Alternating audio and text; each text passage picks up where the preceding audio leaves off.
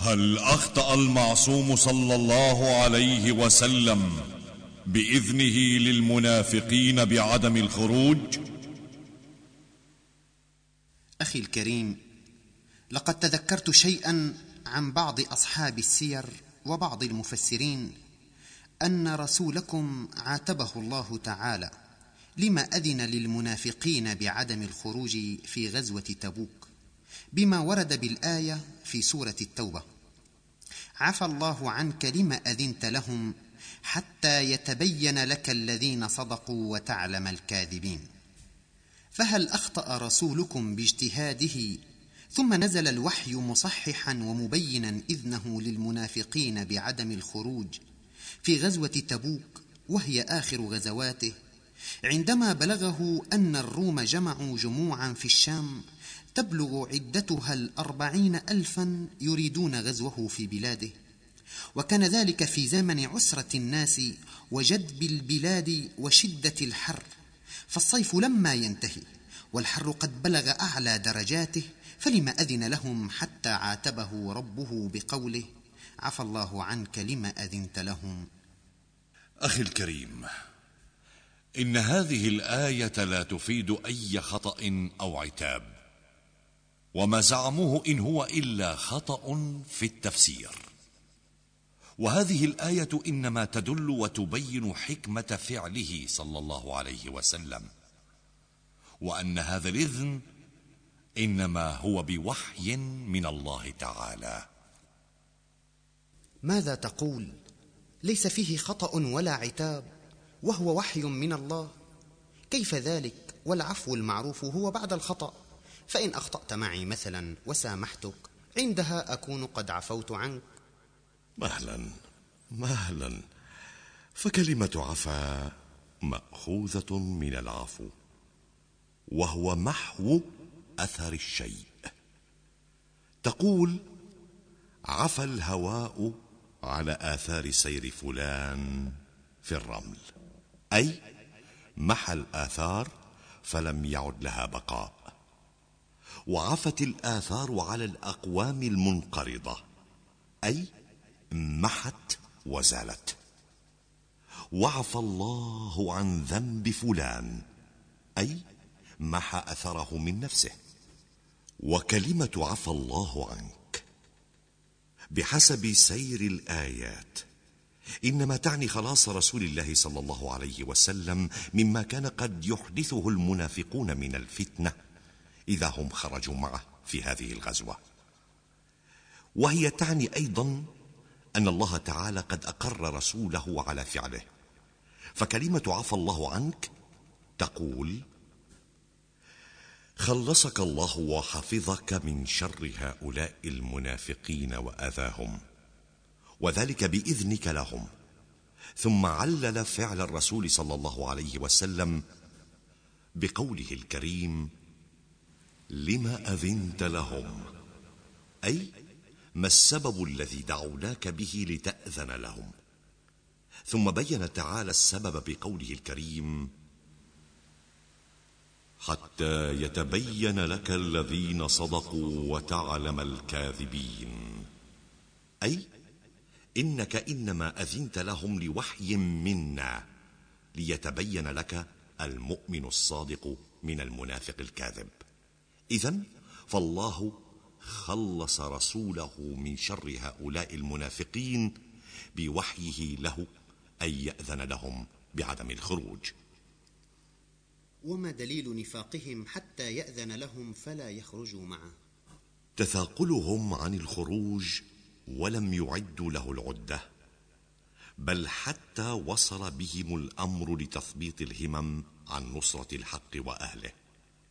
إذ قال بعضهم لبعض لا تنفروا في الحر. ووجدوا أن خير وسيلة للتخلص من مشقة الحرب وشدة الحر في مثل تلك الأيام الصعبة هو الاستئذان من الرسول ليسمح لهم بعدم الخروج. وقد أذن لهم صلى الله عليه وسلم وغاب عنهم أن الله يعلم سرهم ونجواهم وبطلبهم الإذن انكشف أمر كفرهم. والله تعالى بين أحوال المؤمنين ثم المنافقين بقوله الكريم لا يستأذنك الذين يؤمنون بالله واليوم الآخر أن يجاهدوا بأموالهم وأنفسهم والله عليم بالمتقين. إنما يستأذنك الذين لا يؤمنون بالله واليوم الآخر وارتابت قلوبهم فهم في ريبهم يترددون. قلت لي يا أخي أن كلمة عفى الله عنك أي أزال عنك وحفظك مما سيحدثه المنافقون من الفتنة إذا خرجوا معك. وخلصك من شرهم. فما الدليل من كتابكم المقدس القرآن؟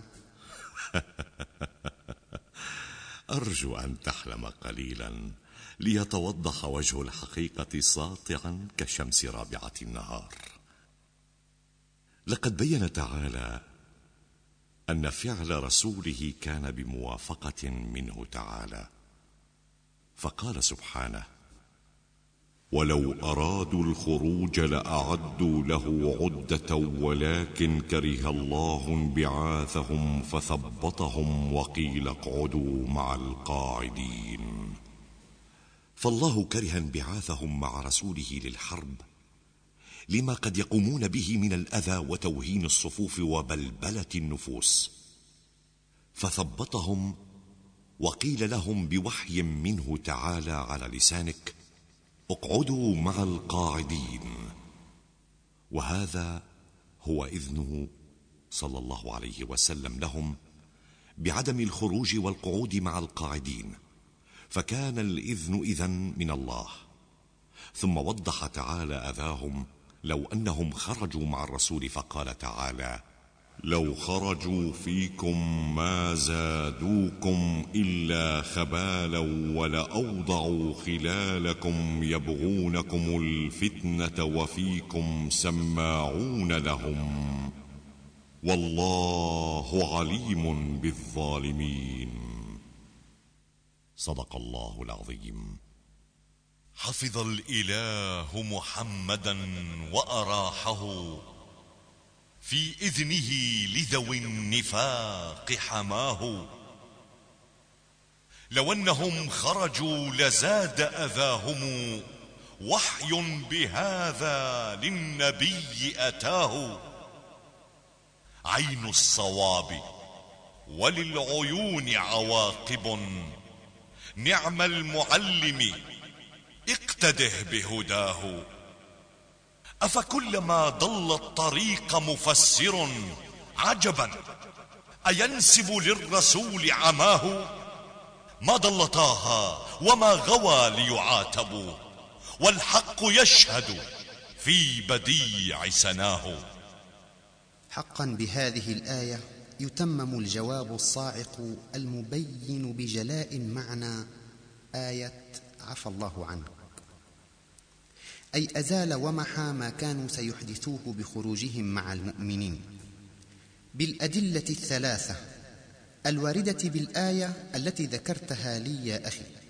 أولا لو خرجوا ما زادوا المؤمنين إلا خبالا أي لأحدثوا بلابل كبرى بينهم. ثانيا لبغوا الفتنة. وثالثا بما أن رسولكم كان لا يفضحهم بل يسترهم ولا يكشفهم رجاء إيمانهم. وفريق من المؤمنين كانوا لا يعرفونهم أيضا فهم سماعون لهم ظانين فيهم ظن الخير فأذاهم عليهم شديد حقا. لا يمكن بعد إيرادك وإيضاحك لهذه الآية أن يبقى اعتراض لمعترض ابدا. فالآية واضحة وضوح الشمس فلا خطأ على رسولكم ولا عتاب. ويا ليت المفسرين قرأوا هذه الآيات وربطوا المعنى دون أن يجعلوها قراطيس أن يشرحوا آية منفردة دون ربطها بآيات الموضوع بكامله. فيبدونها مباشرة بذم المبرأ المعصوم بالخطأ والعتاب. هذا الظن المريع بنسبته إلى نبيكم فالخطأ والعتاب لا أساس لهما أبدا. حفظ الإله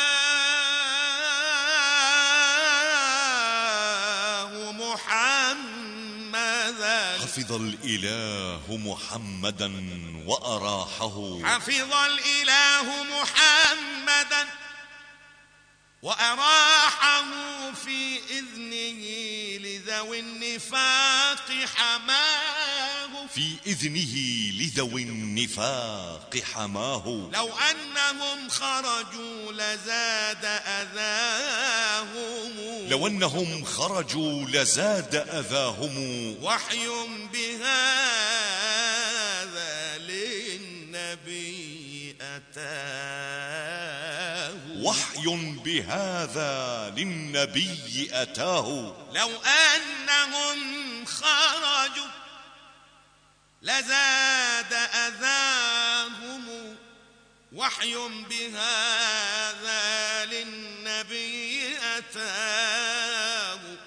عين الصواب وللعيون عواقب. عين الصواب. وللعيون عواقب. عواقب نعم المعلم. اقتده بهداه.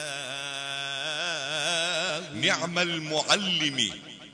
اقتده بهداه. نعم المعلم.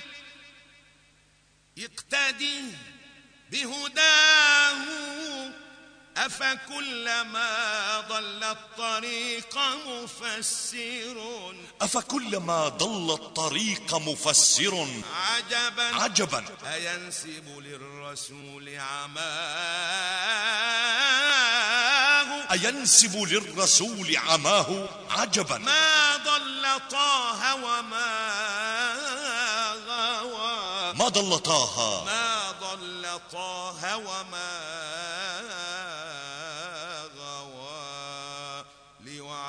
ليعاتب والحق يشهد في بديع سناه.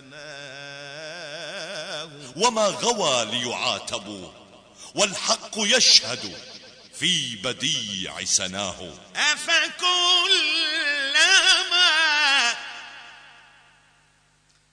أفكلما ضل الطريق مفسر. عجبا عجبا أينسب للرسول عماه ما ضل طه وما غوى؟ ليعاتب والحق يشهد في بديع سناه.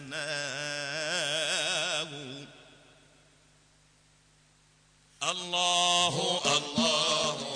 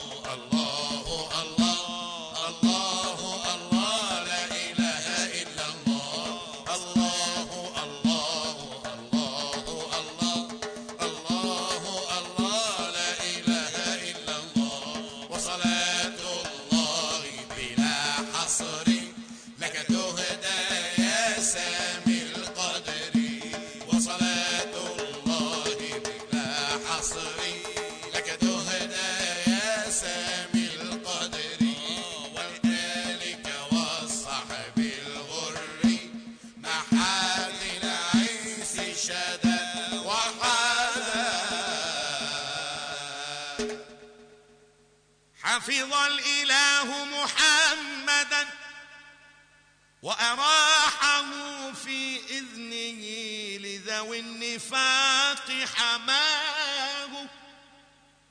لو أنهم خرجوا لزاد أذاهم وحي بهذا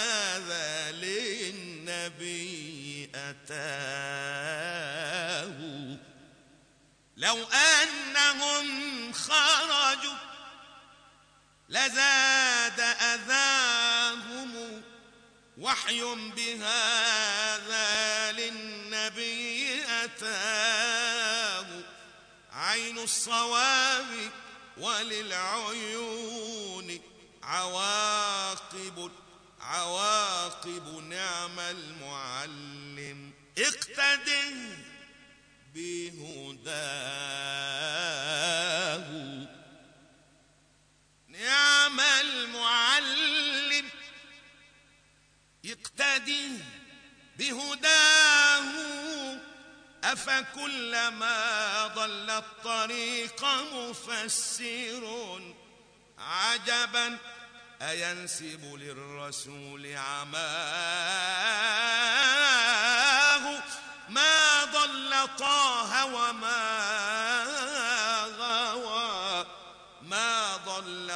ضل طه وما غوى ليعاتب والحق يشهد في بديع سناه. أفكلما أفكلما ضل الطريق مفسر. عجبا عجبا أينسب للرسول عماه ما ضل طه وما غوى؟ ليعاتب والحق يشهد في بديع سناه.